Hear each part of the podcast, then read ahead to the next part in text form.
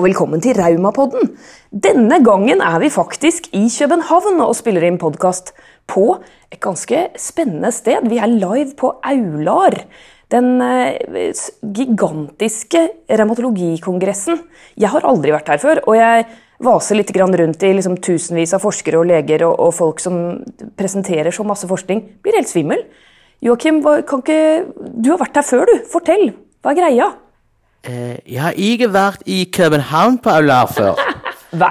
Eh, men jeg har vært på Aular. Det er jo et, eh, en konferanse som er forskjellige steder fra år til år, men det er en årlig europeisk konferanse. Så det er litt som mellom de Grand Prix, at den flytter på seg.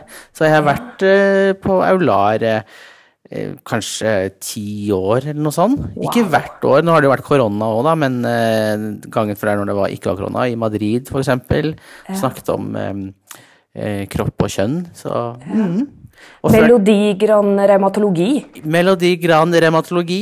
Det er jo mest kjent Aular for uh, European uh, League Against Rheumatism. Ja. Men uh, en flue på veggen har hvisket meg at det har byttet navn til European Alliance of Association of Rheumatology. Ja, fordi det første navnet var ikke vanskelig nok.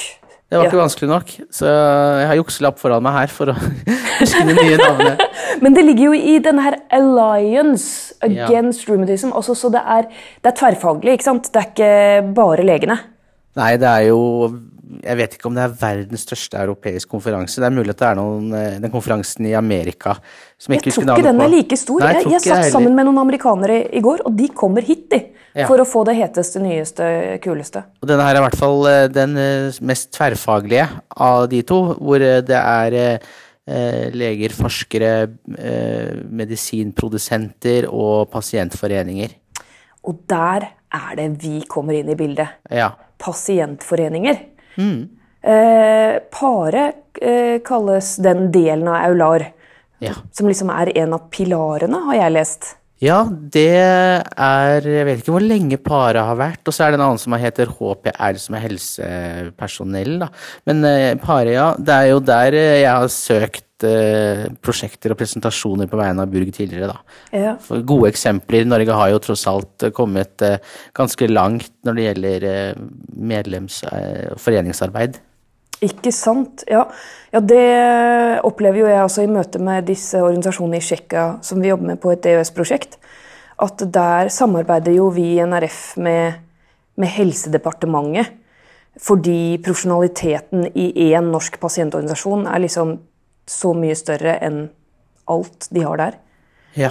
Det, så, så vi, vi ligger, der ligger vi langt foran, ja. Mm. Men på revmatologi så altså det, det, er veldig mange norske forskere også som bidrar på Kongressen og presenterer forskning. Ja, det er det. Eh, og jeg har jo, som jeg har sagt mange ganger i poden, jobbet og jobber fortsatt med Burg. da, så Det er noe som heter Young-paret, og da har jeg sendt eksempler på gode ting som eh, Burg har gjort. da, F.eks. familiesamling og eh, Smertevenn-appen og litt sånn. Men jeg møtte faktisk en eh, Eh, barnerevmatolog her, og det er egentlig ikke noe program oh. for barnerevmatologi. What? Her. Ja. Det er noen kanskje enkelttemaer, men det er ikke fokus i det hele tatt. Og ja, så vidt jeg vet, så finnes det ikke en egen konferanse for det heller, så hvorfor ikke det implementeres bedre? Det der må man melde fra om. Ja. ja. Merkelig. Og så eh, Ja, det er jo noen sånne utvalg som sitter og bestemmer programmet. Og de, de, sesjonene jeg har vært på, så er det jo presentasjoner av forskningsprosjekter. da. Eh, hvor det er kanskje det er ti minutter til hvert forskningsprosjekt. Og hvert forskningsprosjekt er kanskje tre år med arbeid, ikke sant? om det er en doktorgrads eller Så det er tre år med forskning presenteres på ti minutter, og så er det plass til seks eller sju sånne i én sesjon. Så nå når jeg har vært på to fulle dager med sånne sesjoner, så har jeg liksom fått innblikk i 20 forskjellige forskningsprosjekter cirka? Ja. ja, ja. Jeg tar en doktorgrad på Diakonhjemmet og har jobbet to år med et forskningsprosjekt som jeg fikk fem minutter å presentere i går. Fem minutter, bare. ja. Veldig intensivt, da. Men å få fall presentert det, og så eh, vist det for omverdenen, på en måte. Det er veldig fint, men det blir veldig mye, jeg skjønner det. Så eh, Diakonhjem arrangerer eh, en kongress som heter Grønn kongress, som jeg tror alle kan melde seg på, som på en måte er en oppsummering av highlights Mm. eh, fra Ular. For det blir veldig mye å ta inn over seg. Selv jeg som er her, får ikke med meg liksom en brøkdel engang. Så sant. når jeg kommer hjem, så skal jeg eh, se på de viktigste tingene eh, på digitalt, da, og gå Ja. gjennom på nytt.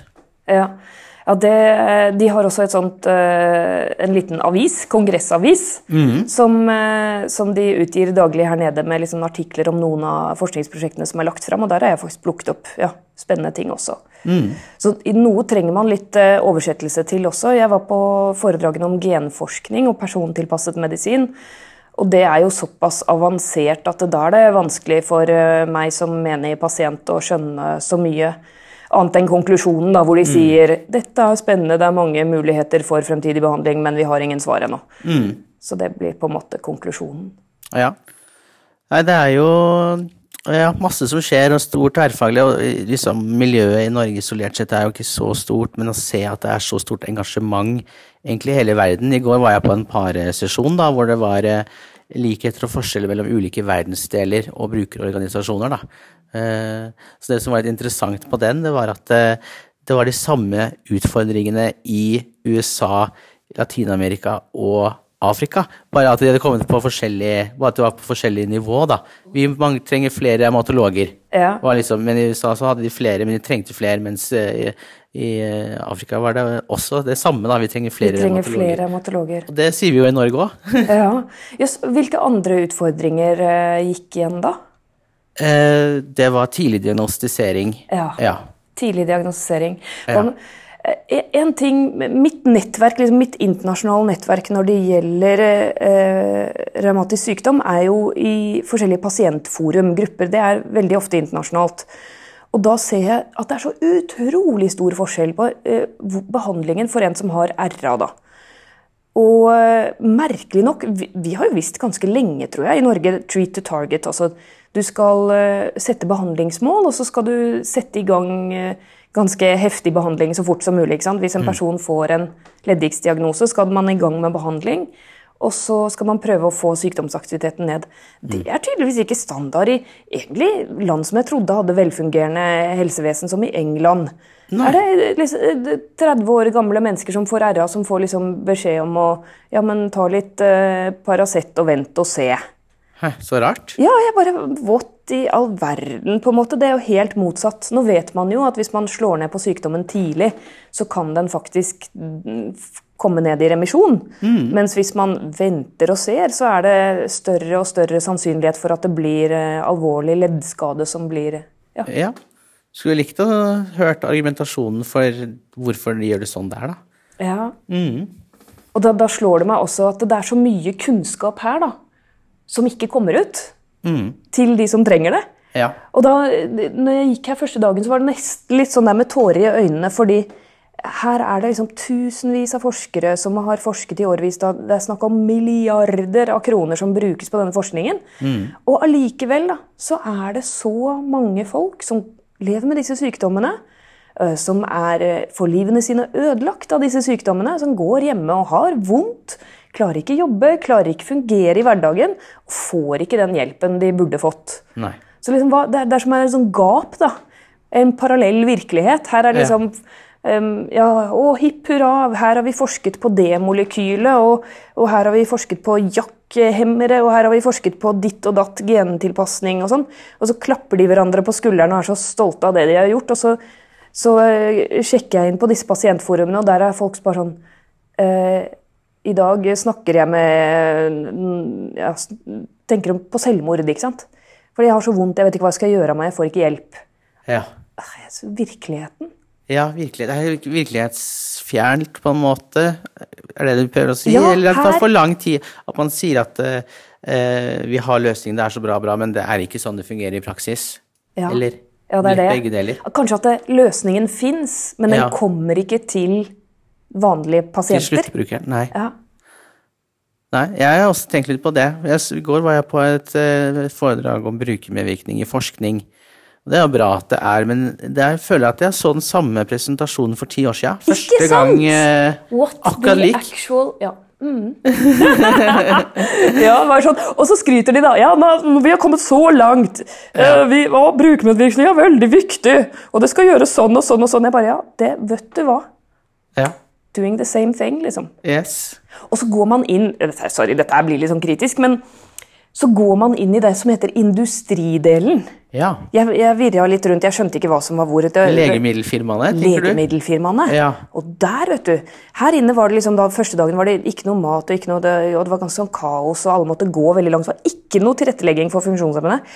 Så virra jeg meg med inn på, på industridelen, der farmaselskapene var, og der var det liksom store lysskjermer og fantastiske altså Det er ikke snakk om stands engang. Det er liksom en Ja, landsby, teknologisk ja. landsby med bare dritfancy greier, og alle har sine egne kafeer som serverer da kaffe, latte, mokka, håndlaget med baristaer fløyet inn fra et eller annet sted. Mhm. Hvor de driver og skal overtale disse legene til å bruke deres medisiner. Ja. Og det, jeg fikk sånn vond smak i munnen. Altså. Ja. Kaffen var god, men jeg fikk ja. Ja, ja, det er sånn eh, virkeligheten er. ja. At uh, det er smøring. Det er smøring. Og så, så går man derfra, for det var liksom ene siden. Det var en industry, Uh, fancy, fancy, fancy. Og så uh, prøvde jeg å finne den delen hvor pasientorganisasjonen skulle være, i Aular Village. Pare, og det var liksom et lite telt. Ja, i en bitte Men- liten sånn Med en sånn roll-up så sitter det en dame med en liten datamaskin. Her, her er pasientorganisasjonene. Ja, ja, for det er selvfølgelig Det er for pasientene vi finnes. Tror jeg hørte én person si, men det var en nordmann. Fordi det virker ikke som de andre tenker på det. Nei. Nei. Så det er jo Ja, det er litt skjevfordelt på den måten der, kan du si, da. Eh, men dette er jo eh, Selv om paret er med og sånn, så er det jo ikke, så vidt jeg har opplevd, en, en, en, eh, en konferanse for uh, pasienter. Man kan ikke melde seg inn som privat pasient her, så vidt jeg vet. Nei. Det må være gjennom en organisasjon eller uh, noe sånt, da. Ja. Ja. Ja, ja, det, ja, det er vel ikke egentlig så pasient... eh, Må, ja, mm, målgruppa er definitivt ikke pasienter, men det er jo veldig viktig at vi får innblikk, i hvert fall som pasientorganisasjoner, da, i hva som skjer i forskningen. Og så Ja. mener jeg vi også må få eh, være med mer og bestemme hva det forskes på. For de fortsetter jo å gjøre veldig mye av det samme.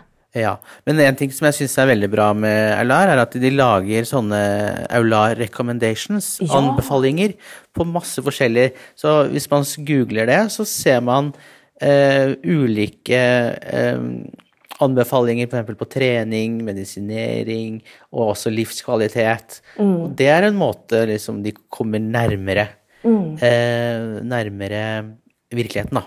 Og det er jo noe den enkelte pasient eh, nyter godt av også, for Ja. det gjør det jo veldig lett eh, for vanlige leger, men også pasienter, å liksom slå opp får jeg behandling som er i samsvar med disse Aula recommendations, for de er veldig klart skrevet, syns jeg.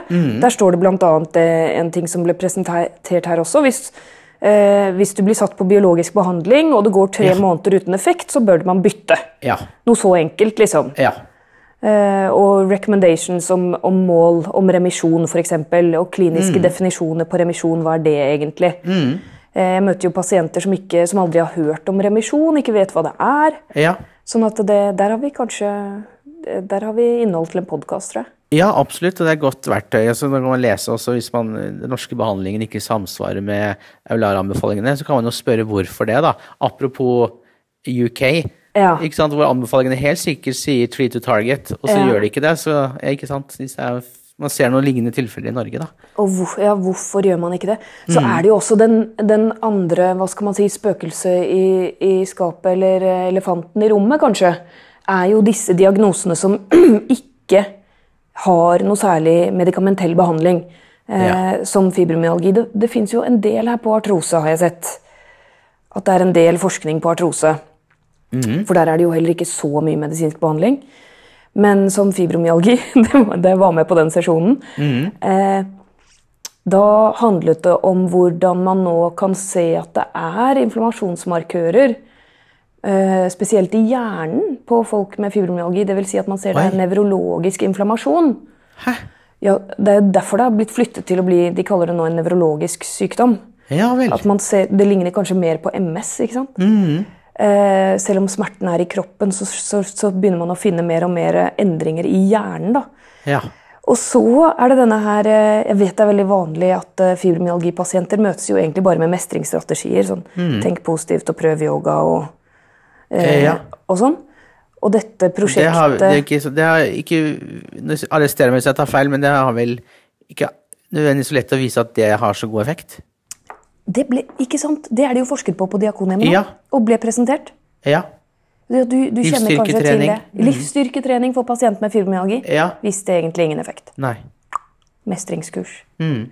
Og det var med sånn gruppe Gruppe, ja. ja. Og veileder og man, had, man skulle jo trodd at det hadde positiv effekt. Jeg var med på den sesjonen, og da, da var det det mest interessante da, det var Heidi Sanger fra Diakonhjemmet som presenterte det prosjektet. Og viste ok, vi ga de pasientene Det var en blindet studie med sånn og sånn. de En gruppe prøvde det, og en gruppe prøvde ikke. Og, og de som fikk da livsstyrketrening, sånn mestringskurs, de, de hadde ikke egentlig noe særlig effekt. Heller ikke to år, ett år etter, ikke to år etter.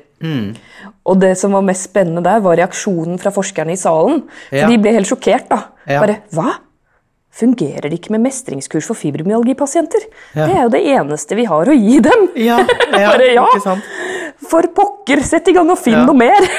Forsk på noe mer! Men det kan jo hende at det ikke Dette er jo en studie som viser det, men eh, kanskje det har effekt hvis det er, i kombinasjon med noe annet. Hvis man kommer ned med hjernen og man eh, har det. også, når du snakket om de på detaljnivå, betablokker og liksom sånn som går på, så, så kan det være grunnsteinen og Mm. en start, og så vil mestringskurs være på toppen av det, liksom. Så Mm. ja, alt avhenger av alt, på en måte. Ja.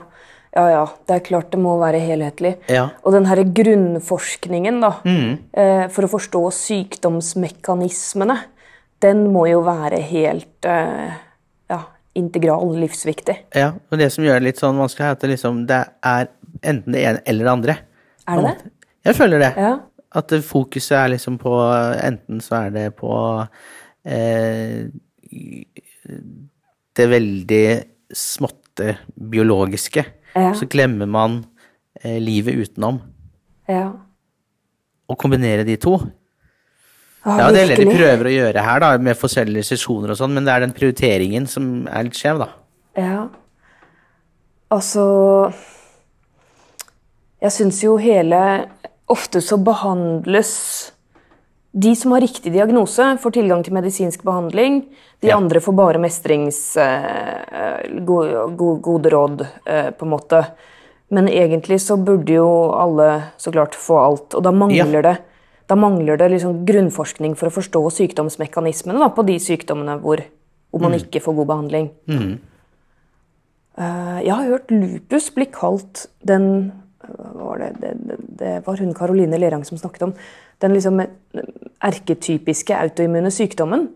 Eh, at den visstnok er så Ja, den er autoimmun på en eller annen sånn erketypisk måte. Eh, og veldig vanskelig å behandle, visstnok. Her ble det presentert en ganske liten studie, da. Hvor de prøvde immunterapi. Det, er noe som jeg tror ellers er blitt liksom gjort på kreft. Å bytte ut Ja. noe av immunsystemet i kroppen. Ja, På ja. lupuspasienter. Kjempeeffekt. De ble, det var fem pasienter bare, da, så det er smått. Ja. Som ble liksom stort sett helt friske. Og det er bare en helt ny måte å tenke på. Ja. For da Istedenfor å slå ned på symptomene, så gå inn og endre immunsystemet. Ja. Litt sånn derre Stordalen-aktig, Ja, eller? men jeg, nei, de gjorde ikke den Det var ikke det, det. Det var ikke sånn hva heter det, da? Det het Ja. Det er når de bytter ut hele benmarks... Ja, si. Ut. ja. Det var ikke så voldsomt. Nei. Men dette her, eh, siden det- var jo bare ti minutter, Ja, så jeg må gå inn og lese om det etterpå. Det var mer som å få sånn dropp som bare Oi, det her var kjempespennende! Det må jeg finne ut. Det er litt kult at uh, det er uh, flere ting som er aktuelle her i Lars som vi har tatt opp i podkasten. Oh, ja? Ja, for eksempel eh, dette med tarm og mageflora. Ja! Jeg fikk ikke sett den live, men den skal jeg se på digitalt når jeg kommer hjem, da. Ja. Det var i, i, med tanke på bekkdrev. Ja. Eh, Men det er jo, som vi snakket om da også, eh, kan ha effekter på flere revmatiske diagnoser. Ja. Det er spennende også å følge med videre. Sånne ting. Ikke sant? Kosthold, tarmflora. Ja. U- Outside the box, nytt. Mm. Outside the box. For iblant så føles det litt grann som de er ikke interessert i å Eller nå blir jeg litt sånn konspiratorisk, men når jeg ser hvor mye penger som ligger i denne her eh, raumaforskningen, eh, tydeligvis fra farmasiselskapenes side, da, eh, så, så, så begynner man jo å tenke ja, De tjener jo ikke like mye hvis de klarer å utvikle noe som gjør oss helt friske. Men hvis folk må ta medisin resten av livet altså, jeg, Nå er jeg konspirasjonsnøya, men, men litt sånn Nei, jeg tror ikke det er helt konspirasjonsnoia egentlig helt, altså. Det er jo det er jo så mye økonomi i det. Det er det. Så Og det er, litt, det, er det er ikke så mye økonomi at folk skal spise sunt. Både Norsk Revmatikerforbund og Aular har jo som mål å utrydde revmatiske sykdommer. Men jeg vet ikke om det er målet til eh, legemiddelindustrien, kanskje? Det er Nei. mer å behandle. Eh, behandle og ikke kurere. Behandle og ikke kurere. Og de sier jo vårt mål er å hjelpe pasientene, men hallo, ærlig talt, målet deres er jo å tjene penger. Ja. Det, Man må jo kalle en spade for en spade. spade er spade er lik Ja. vi vil tjene Men vi er jo avhengig av dem. Ja, absolutt. Og forskjellen også eh, Forskjellen på å få en medisin som fungerer, og leve med en revmatisk sykdom uten medisinsk behandling, er jo Jeg vil ikke engang si natt og dag, det er jo liv eller død, nesten. Også.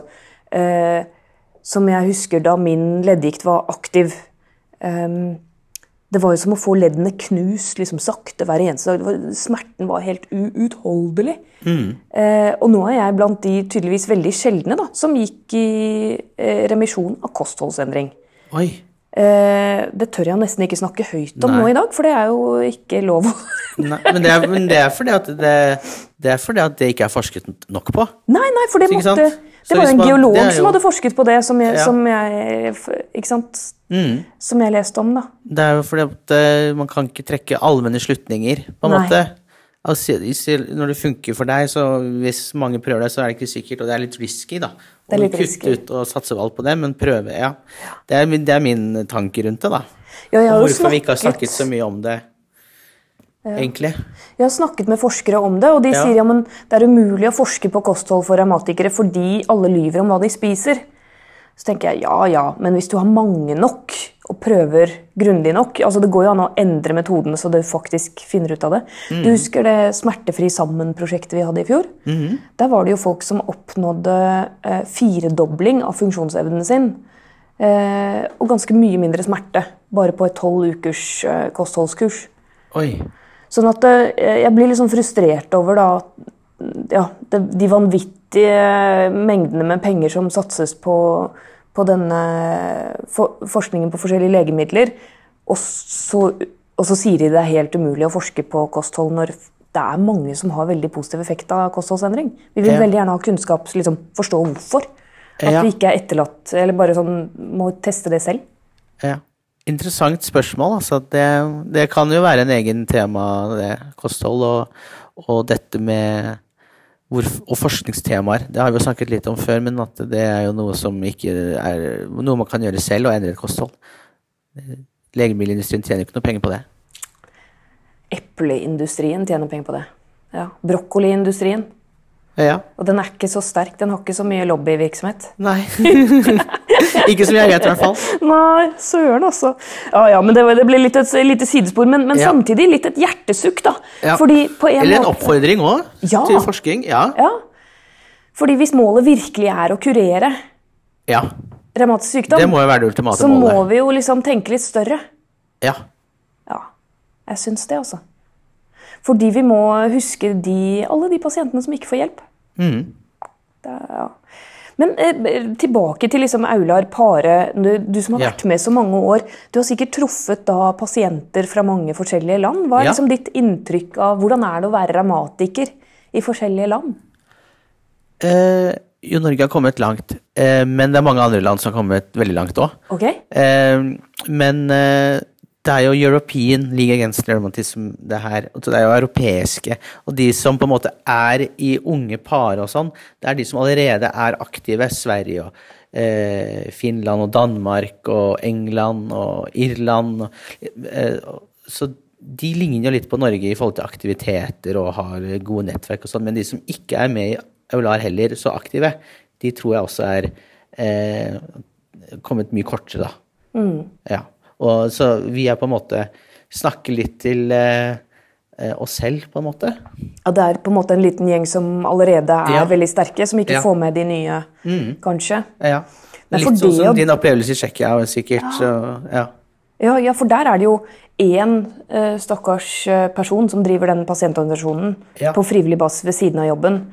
Og hun er pårørende. Moren har leddgikt. Så det var en presentasjon som jeg nevnte innledningsvis i går fra Afrika, og da var det de ulike landene, og da var det antall pasientorganisasjoner.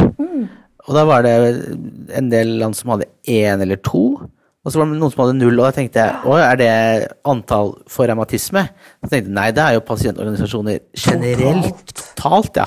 Ikke sant? Oi, Men du, det, det er sikkert litt kulturelt betinget også. Jeg hørte et, eh, en spennende podkast som snakket om eh, hvordan i mange kulturer så er det sett på som en, eh, en straff, eller en, at sykdom er resultat av synd og Guds straff. Ja. Sånn at du, du vil jo aldri være åpen om din sykdom, for da, da outer du deg på en måte at du er blitt straffa av Gud, basically. Det er helt eh, hårreisende, og forklarer kanskje også hvorfor det er eh, ja, i visse land mm. så lite interesse for å ha pasientorganisasjoner. Det er jo litt stigmatisert i, i Norge også, da. Ja, og det, det nevnte jo innledningsvis også fellestegn, og det å få eh, kvitte stigma eh, var også da i Afrika og Euro, USA, da. Og også som vi kjenner igjen her. stigma, ja. ja. Ja, Wow. respekt og liksom at det er en, faktisk en sykdom som trenger å behandles. Tenk det. Ja. ja. Fortsatt også. Og det er jo disse sykdommene som, eh, som jo er ganske anerkjent. Så er det stigmatisert allikevel. Så pasientorganisasjoner er eh, viktig, tror jeg, blir bare viktigere og viktigere. Ja. Eh, når det er mindre og mindre tid på sykehus og sånn, som jeg har sagt sikkert mange ganger før også. Ikke sant? Hvem tar vare på helheten? Og det er jo en sånn stadig jobb for å kutte kostnader Ja. på kroniske sykdommer, som pasientorganisasjonene på en måte er de eneste som, som prøver å stå på pasientens side og si hei, ja, ja, kutte kostnader, men sørg for at folk får hjelp, liksom. Ja. Jeg tror eh, at i fremtiden så kan vi Vi har jo samarbeid med spesialisthelsetjenesten, eh, sykehusene, men jeg tror også et tettere samarbeid med rehabiliteringstjenesten. For det, nå skal, den nye definisjonen så skal man jo ha rehabilitering i et livsløpsperspektiv. Og der kommer jo brukerorganisasjonene og rehabiliteringsinstitusjonene inn som viktige støttespillere. Samme i kommunen, tenker jeg da. Det høres jo veldig fint ut, og så Ja. lurer jeg på hvordan de klarer å løse det. Ja. ja, ja. ja det, ta, ta, tanken er god, og det Nei, men eh, jeg, jeg, jeg tror jeg liksom Jeg tar med meg mye håp for eh, generelt da, på innen revmatologi så er det flott å se at det er så mange smarte, gode mennesker over hele verden som jobber med å prøve å finne mm, både årsaker og bra behandling. ja. Og litt sånn hjertesukk for alle de da som allikevel har det kjempevondt og vanskelig og ikke får hjelp. Hva, hva er dine hoved-takeaways herfra? Eh, jeg tok en taxi i går til middag, og så var, kom jeg i snakk med han da han hadde en syk mor og sånn, og så sa jeg vi må jo ha eh, persontilpasset behandling og, som varer lenge ut ifra brukerens behov og sånn. Ja, i en ideell verden, ja. Ikke sant? Oh, ja. ja. Ja, men det er jo det vi jobber for. Og da, Ja. Oi! Ja, takk skal du ha, liksom. Han ble så glad. Ja, takk skal du ha. Ja, Så vi tar jo små skritt av gangen. Små skritt av gangen. Ja. Og så er det jo sånn det som vi mener kan være det riktige og beste i dag, det er jo ikke sikkert det er det neste år. Nemlig. Så det er en evigvarende prosess. Det er en evigvarende prosess hvor vi må være litt obs Ja. og, og følge Obs. med på veiene. Og up to date. Up to date. Ja. Oppdatert og obs. ja. Både vi, men også du som hører på der hjemme, har et ansvar. Ja, virkelig. For det er mye fokus på self-management, og det kommer til å bli mer og mer av Ja. egenmestring. Og det betyr at den enkelte pasient får mer og mer ansvar Ja. for å håndtere sin egen sykdom. Det er et veldig viktig poeng eh, å ta med seg her også. Og da får jo vi tilpasse oss det også ved å hjelpe våre brukere, da, vil si alle Hjelpe folk å hjelpe seg selv. Ja, vi må det. Ja. Da vil jeg jo pitche Grip helsa-webinarene, Ja. som vi er i gang med nå eh, fra NRF sentralt. Vi, eh, det vil si eh, Ole Martin Wold og jeg har startet en serie med 24 webinarer hvor vi deler det beste vi eh, har av materiale om mestring og selvhjelp og innen psykisk og fysisk helse, med litt trening. Ole Martin har litt trening, og vi har litt foredrag og spørsmål og svar om mestring. For å bli med på de, så må du eh, bare søke på Grip helsa på Facebook, og så er det en eh. Facebook-gruppe. Yes, det er det. Og da kan du være med der og få inspirasjon til eget mestringsarbeide. Jeg tror eh, vi får gå og se. Nå begynner snart foredragene for i dag, eh, Joakim. Hva skal du se på i dag? Jeg må først ha meg noen kartofler, og så skal jeg eh, Kartofler, hva da? Og så skal jeg følge med på paresesjonene, for jeg skal presentere highlightsene på det på Grønn kongress. Å, så. Så meld deg på Grønn kongress og se hva som er det hotteste innen pasientundervisning. Det vil alle være med på. Når er Grønn kongress? Og jeg husker ikke datoen akkurat i hodet, det er i sånn 15. juni-ish. Oh, det er snart. 17. juni. 17. juni, dere. Da bør dere delta på Grønn kongress, og det kan hende vi intervjuer Joakim etter det også for å få liksom the best of the best. Eh, ny forskning fra Aular eh, med fokus på pare. Da sier vi eh, hei jeg, jeg kan ikke si ha det på dansk. Hvordan sier man? Ha det godt! Ha, ha det godt!